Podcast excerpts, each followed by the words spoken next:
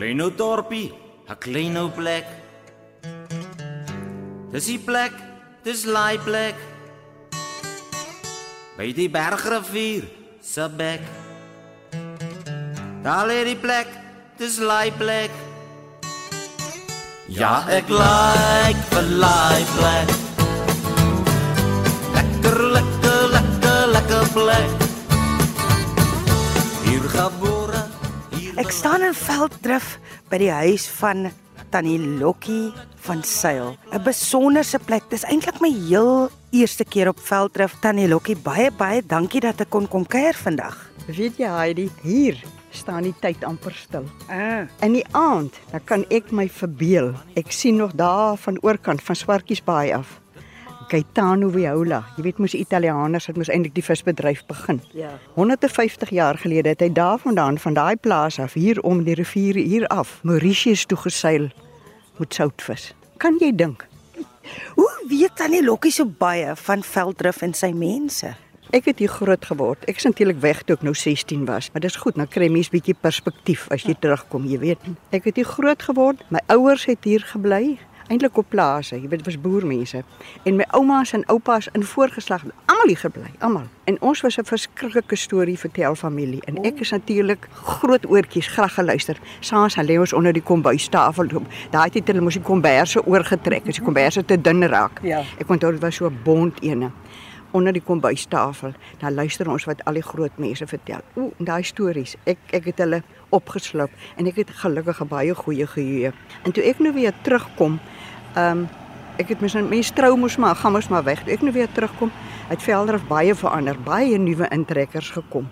En nou hoor jy die mense wat nou so 20, 30, 40 jaar hier bly. Hulle vertel Velderf se geskiedenis. En hulle het so verkeerd weet. Ek kan dit nie hou nie, jy weet.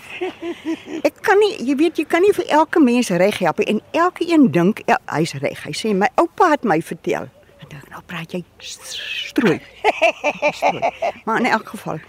En en en en toe besluit ek, maar ek wil net ek ek wil wat ek wat ek weet, wil ek neerskryf. En omdat ek geskiedenisonderwyseres was, kan 'n mens met nou naslaanwerk doen. Jy weet, naslaanwerk gedoen. Ek wil dit net neerskryf dat daar net 'n raamwerk is, die regte geskiedenis van Veldrif. Dat daar nie so, jy weet met elkeen vertel sy stories soos hy wil. Maar weet jy met hierdie rivier hierop, Ja. het Karel Stefan ook 150 jaar gelede. Dit was waaroor Kitano Viola, Viola daar oorkant moes gaan bly, want Karel Stefan het die grond die kant gekoop en hy was ook in die visbedryf. Toe sê hy vir hom: "Nee nee nee nee nee, jy kan nie dieselfde besigheid doen as ek nie. Toe gaan bly Kitano Viola aan die oorkant." Nou Karel Stefan het met hierdie bergivier op 'n vervoer besigheid gehad om die boere se graan af te vervoer en as dit met seilskepe omgevat Kaap toe. Jo, Jy weet daai tyd was dit nog met 'n ossewa omtrent 2 weke Kaap toe. Nou kan jy dink daai boere se grane om dit in die Kaap te kry wat die mark is, was mos nou 'n probleem. Dis dis mos maklik met die met die rivier. Af van daai tyd het die rivier nog baie water gehad. Die damme het nog nie die water terughou nie. Hy het 'n geweldige groot besigheid opgebou, maar toe die treinspore nou later gebou is, toe toe het sy besigheid nou doodgeloop. Maar hy het Velderif op die kaart geplaas, Karel Stefan, 1870 uit 1870. Hier kom die geskiedenis juffrou met die feit. Tannie is nou 83 of hoe oud is Tannie nou? 80 jaar. Raak maar simpel, jy weet, soek so vir die woorde, soek so vir die woorde. Jy wil so 'n ding sê en dan kan jy dit nie sê nie. Jy weet ek het nou hierdie week staan ek ek is totaal verstom dat Velder so ontwikkel het. Nou nou nou sien ek Ellen Windy wil nou sy sy sy openingsrede kom hou. Nou soek ek die woord. Jy weet met almal praat van state of the nation, maar dis nie state of the nation nie. Hy sê staatspresident dis provinsiale o- openingsrede wat hier wil kom hou. Dink ek, wat is die woord wat Ag toe maar wat lokkie. Ek kan maar sommer. Maar kan jy dink Heidi, hierdie velderif toe ek nog 'n kind was, het die mense so neergesien op velderif. Hoekom? Omdat die mense so arm was. Hulle was ontsettend arm, maar was nie 'n mark vir visie. Weet jy die die gemiddelde inkomste van 'n visserman, daar was wat die helfte het minder verdien, was tussen 30 en 60 rand 'n jaar. Daar was nie 'n mark vir vis nie. Jy weet, omdat die rivier, hierdie wonderlike bergrivier, was ook vir hierdie mense 'n verskriklike belemmernis was vir hulle 'n struikelblok want die was nie 'n brug oor die rivier nie. Maar die gevolg die mense aan aan die noorde kant van die rivier mm. was afgesny van ontwikkeling, was afgesny van skole en opleidingsgeriewe. So die mense het 'n bietjie agtergebly. Jy weet, ja. so mense het 'n bietjie agtergebly en die mense, jy weet, saam met armoede kom ons ook maar veragterliking. Jy weet, die die plaaskinders as hulle nou na Grand School toe gaan, het hulle gesê hulle kom van Piketberg af. Hulle wou nie sê hulle kom van Velderif af nie. Ek het dit aan my bas gevoel. Ek was nie Kaap op skool en ja vir die week. Ons het nou skoolklere by Uniwinkels gekoop. Ek en 'n klomp maats daar om nou iets te koop wat ons nodig het. Nou almal gee hulle adresse vir die rekeninge. Ooh, daai verkoopsman is so danig. Toe ek my adres gee Velderif, trek hy neus in die lug op. Ag nee. Van Velderif was agterlik, was ag. Nou kan jy dink daai selfe Velderif gaan nou die openingsrede van die provinsiale raad aanbied. Kan jy dit dink? Ek ek is mal oor sulke stories. Hier was nou staan. Uh, uh, ek hoor baie van Bokkomlaan. Nee, hier was 'n 'n vissersbedryf, nê, nee, wat nou stiller is. Vertel gou 'n bietjie vir my tannie. Kyk, uh, vandag is die groot vissersbedryf mos nou in die see met met nette, met uh, diepsee trolnette. Maar daai daai nette is eers in in die in die 1930s bekend gestel deur die Italianers want hulle dit in in uh, Italië geken. Jy weet wat soos 'n beurs toe trek en net wat soos 'n soos 'n beurs toe trek. Voor dit hier voor die 1930s het die mense vis gevang met met nette wat jy die by die see wat jy op die op die wal uitgetrek het. Mm. Maar hier in die rivier, kyk dis 'n dis 'n gety rivier hier. Die, ja. die see kom stoot in, hoogwater en laagwater hier in die rivier. Dan die vis kom op in die rivier. Hier het hulle vis gevang met nette wat hulle genoem het netsteek.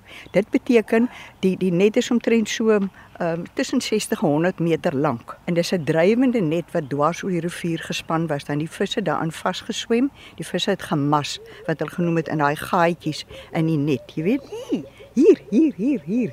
En nou die die ding is, Heidi, hoekom hierdie stukkie wat Bokkomlaan is so ontwikkel? Nie oral langs die rivier kon jy uitkom op die wal met daai nette nie. Jy kon nie uitkom met die met die bootjies nie, mm. want daar is riete en daar's klei en so. Maar hierdie stukkie wat nou Bokkomlaan is, was 'n hele stuk sand, 'n sandstrook hierso. So hulle kon maklik, hulle kon maklik hulle nette uitkry, die vis uitkry. En en as hulle nou die vis uitgekry het, het hulle hom nou uit die nette uitgehaal en dan het hulle in in die vishuise. Hulle het vishuise van riet gebou waar hulle die vis uh nou gesny het en die binnegoed uitgehaal het. Dan is die vis in in sout gepak en jy weet. Want onthou daai tyd was hom nog nie yskaste nie. Ja. Jy moet mos jy moet mos die ding kan vars hou. Dis in sout gepak en so na 3 dae dan was dit dan was dit nou reg genoeg. Dan is die vis uitgehaal, dan is hulle opgeruig, dan so 'n naald so deur die oogies gesteek en dan is hulle opgeruig, so 50 in 'n bossie, opgehang en droog geword en as daai soutvis nou verkoop. Nou daai hele bedryf was hier in Bokkomlaan. Die vishuise is nog hier in Bokkomlaan.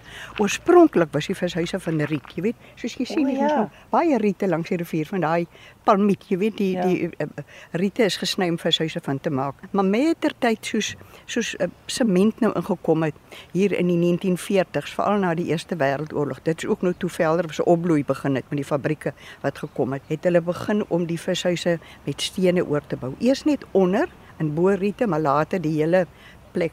Nou is dit 'n ou lelike ou plek. Jy weet sulke ou sementgebouetjies, maar dit word nou bewaar. Dit mag nie verander word of af, afgebreek word nie. Jy sou sien as jy met Bokkomlaan ry, is al die al die vishuise nog. As jy nou net ja. nou hier afry, al die vishuise staan nog waar hulle die die vis gemaak het. Maar nou mag hulle nie meer in die rivier visvang nie. So hier gaan nou niks meer aan nie.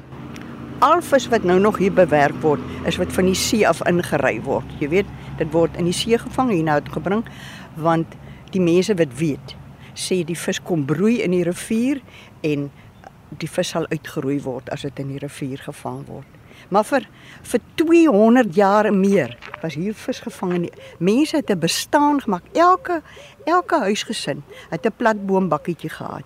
Kyk, in die see roei jy mos met 'n kielboombakkie. Jy's mos nou so diep onder toe. Maar in die rivier het jy met 'n plat boombakkie, 'n bakkie 'n roeibootjie. O. Ja, geroei want dit is maklik om die platboombakkie uit te sleep op die wal. Elke huisgesin het 'n platboombakkie gehad in nette en hulle het hulle kinders grootgemaak met daai vis wat hulle hier in die rivier gevang het. Arm, arm, arm, arm gewees. Maar toe kom die Tweede Wêreldoorlog, Dis 'n mark vir vis. Jy weet vir blikkies vis. Word die fabrieke hier gebou. Toe die fabrieke hier gebou word, toe druk hulle vir 'n brug. Jy weet, die een ding lei mos altyd tot die ander. Ja. Druk hulle vir 'n brug. Toe as die brug kry, toe gaan die wêreld oop vir die mense aan die noordekant van die rivier. Verstedeliking, beter skole, beter opleidingsgeriewe, die besighede kom in. Die wêreld gaan oop toe die brug gebou is. Lekker,